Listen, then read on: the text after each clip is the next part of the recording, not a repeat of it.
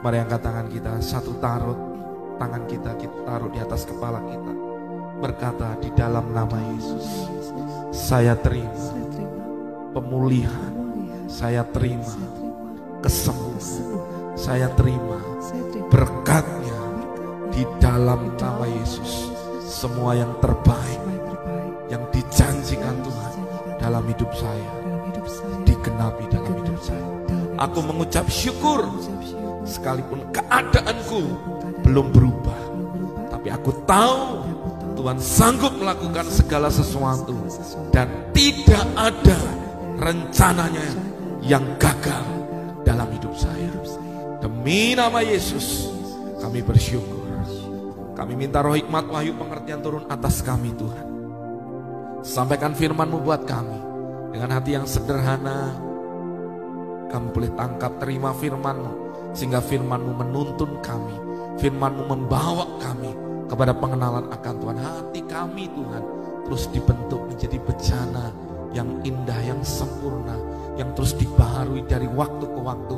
Sehingga kami menjadi orang-orang percaya terus mengenal Tuhan dan hati kami berkenan kepada Tuhan. Sampaikan firman-Mu, urapi setiap kami, urapi umat-Mu. Demi nama Yesus kami berdoa. Dengan cara sederhana, kami boleh lakukan firman-Mu dalam hidup kami. Selama firman dibagikan, yang sakit disembuhkan, yang susah, yang bingung terima jawaban dan pertolongan. Dan kami melihat hal yang dahsyat terjadi dalam hidup kami. Demi nama Yesus kami berdoa dan kami mengucap syukur. Mari yang percaya dengan iman sama-sama kita berkata, Amin. Amin. Ajak kita untuk belajar tentang hati yang tinggi versus hati yang rendah.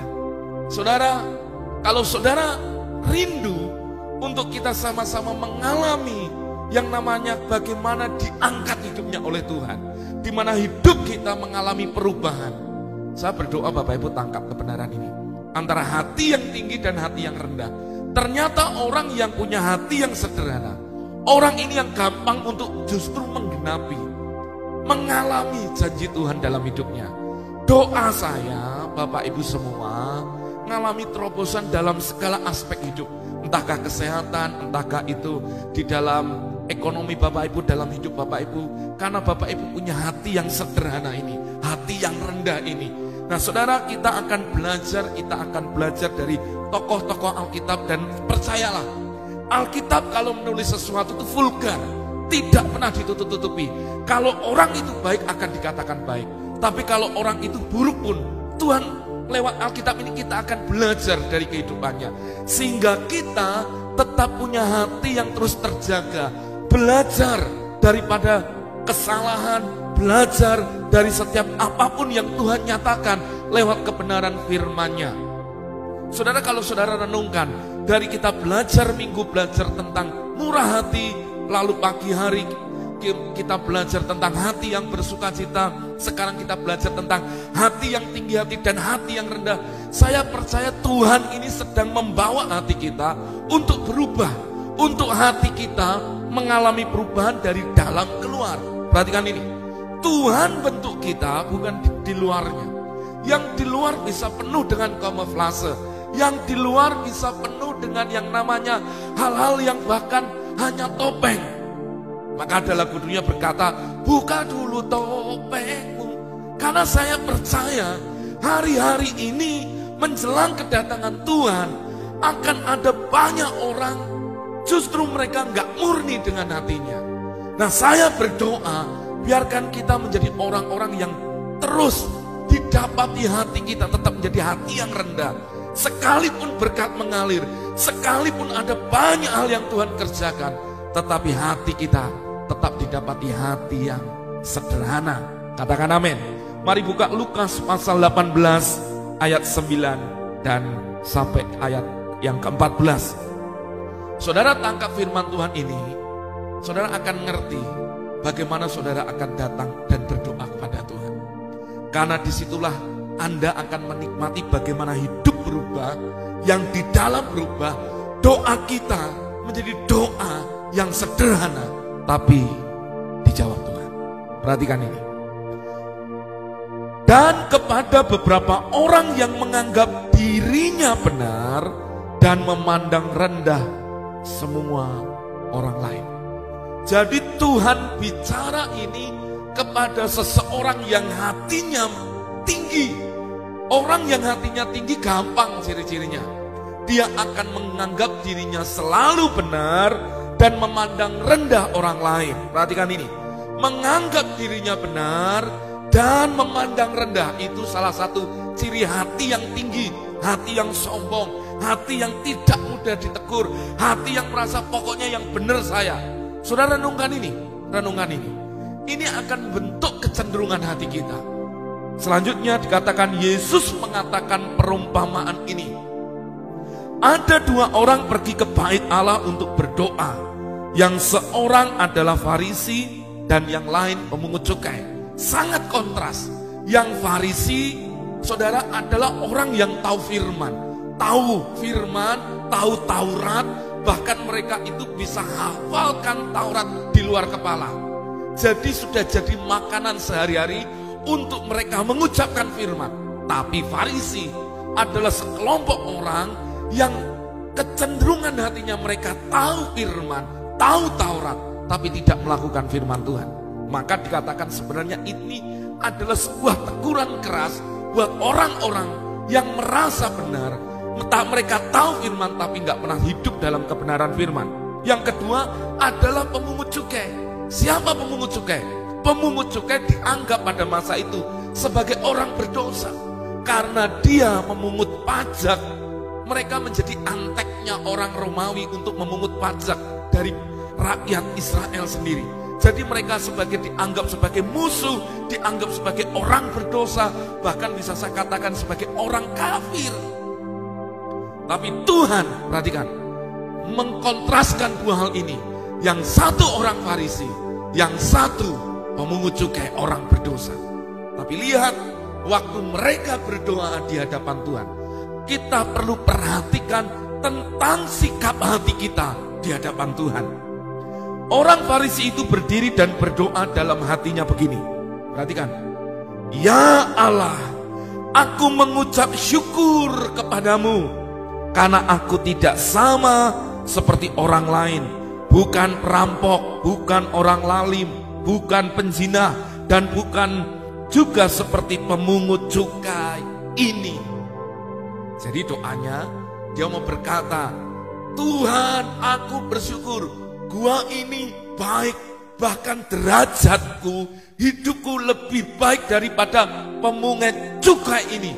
Perhatikan ini, dia merasa dengan kesalehan rohaninya, dia berpikir bahwa dia layak untuk menerima perkenanan Tuhan. Dengarkan baik-baik. Perkenanan Tuhan itu turun atas kita karena anugerahnya. Dan Tuhan melihat hati kita. Saudara dalam beberapa waktu ini negara kita diobohkan karena ada orang yang berdoa gini. Tuhan tolong supaya mereka yang menurut kelompoknya dipanjangkan umurnya, tapi yang lainnya tolong dipendekkan, dipendekkan, bahkan di, ditimpakan sakit. Wah, ngawur. Maka saya ketika saya merenung ini, ada banyak orang juga yang berdoa, dia merasa dengan kesalehannya, dengan kebisaannya, dengan merasa dirinya lebih baik dari orang lain. Saudara hati-hati. Hati kita ini kalau kita tidak jagain, hati kita itu penuh tipu muslihat. Hati kita ini bisa saja menjadi tinggi dan sombong. Tanpa kita sadari, kita sudah ada di ujung tanduk, tinggal gelundung jatuh. Saudara, inilah yang perlu kita kita waspadai hari-hari ini. Saya sebagai hamba Tuhan, Bapak Ibu perlu berdoa Bahkan Bapak Ibu perlu tegur saya, kalau hati ini serasa mulai hatinya merasa kayak di atas langit. Dengarkan baik-baik. Orang Farisi itu pun berdoa dalam kepongahannya, dalam kesombongannya. Dia berkata, aku baik, aku bukan perampok, aku bukan orang lalim, aku bukan penjina, bahkan aku bukan seperti pemungut cukai. Tapi dia lupa bahwa dia adalah orang yang sebenarnya sama karena dia tidak pernah mau melakukan kebenaran firman Tuhan. Makanya selama Yesus ada di dunia, apa yang selalu dikejar? Ahli Taurat sama orang Farisi. Kenapa? Karena hidup mereka ada sebuah pernyataan hipokrit. Apa itu? Dalam satu masa, Tuhan menegur orang-orang ini. Karena mereka, Yesus sampai berkata gini, luarmu baik, tapi dalammu seperti tu, isinya tulang belulang. Yesus menegur mereka karena kesombongan mereka. Mereka berpikir bahwa dia lebih benar dari orang lain. Depannya dilabur putih, tapi dalamnya penuh dengan kebusukan. Saudara, orang yang seperti ini, saudara kalau datang dengan kondisi seperti ini, saudara nanti akan lihat konklusinya. Orang yang seperti ini yang merasa dirinya lebih baik, gak akan mengalami pemulihan. Justru orang yang datang dengan apa adanya dalam kejujuran, orang itu akan mengalami pemulihan. Perhatikan. Aku berpuasa dua kali seminggu, aku memberikan sepersepuluh dari segala penghasilanku. Perhatikan, orangnya merasa, uh gua bisa datang. Jangan datang kepada Tuhan dengan kebisaan kita. Habis saudara. Kalau kita datang dengan kesombongan kita, kita habis saudara. Karena segala yang kita punya datangnya daripada dia. Kalau kita sampai datang nyombongkan diri, kita sedang cari perkara sebenarnya. Tetapi pemungut cukai itu berdiri jauh-jauh, perhatikan. Pemungut cukai ini sadar, dia orang dianggap orang berdosa, dia tahu posisinya, dia berdiri jauh-jauh. Berarti dia tidak mau berani maju ke depan. Perhatikan, bahkan ia tidak berani menengkadah ke langit, bahkan untuk lihat ke atas saja nggak berani. Kenapa? Karena dia tahu diri, saudara. Dia sadar dia bukan orang baik. Perhatikan, melainkan ia memukul diri dan berkata, dia pukuli diri dan berkata, Ya Allah kasihanilah aku orang berdosa. Yang satu tadi berdoanya, aku bersyukur aku bukan seperti mereka seperti ini. Tapi yang ini yang berdosa justru berkata, kasihanilah aku orang yang berdosa ini ya Tuhan. Perhatikan, aku berkata kepadamu, orang ini orang yang mana? bukan orang Farisi, pemungut cukai. Pemungut cukai ini pulang ke rumahnya sebagai orang yang dibenarkan Allah. Renungkan ini. Orang Farisi tetap tinggal dalam keadaannya, tidak dibenarkan Tuhan. Tapi pemungut cukai pulang ke rumahnya sebagai orang yang dibenarkan Allah. Dan orang lain itu tidak Sebab barang siapa meninggikan diri, ia akan direndahkan. Dan barang siapa merendahkan diri, akan di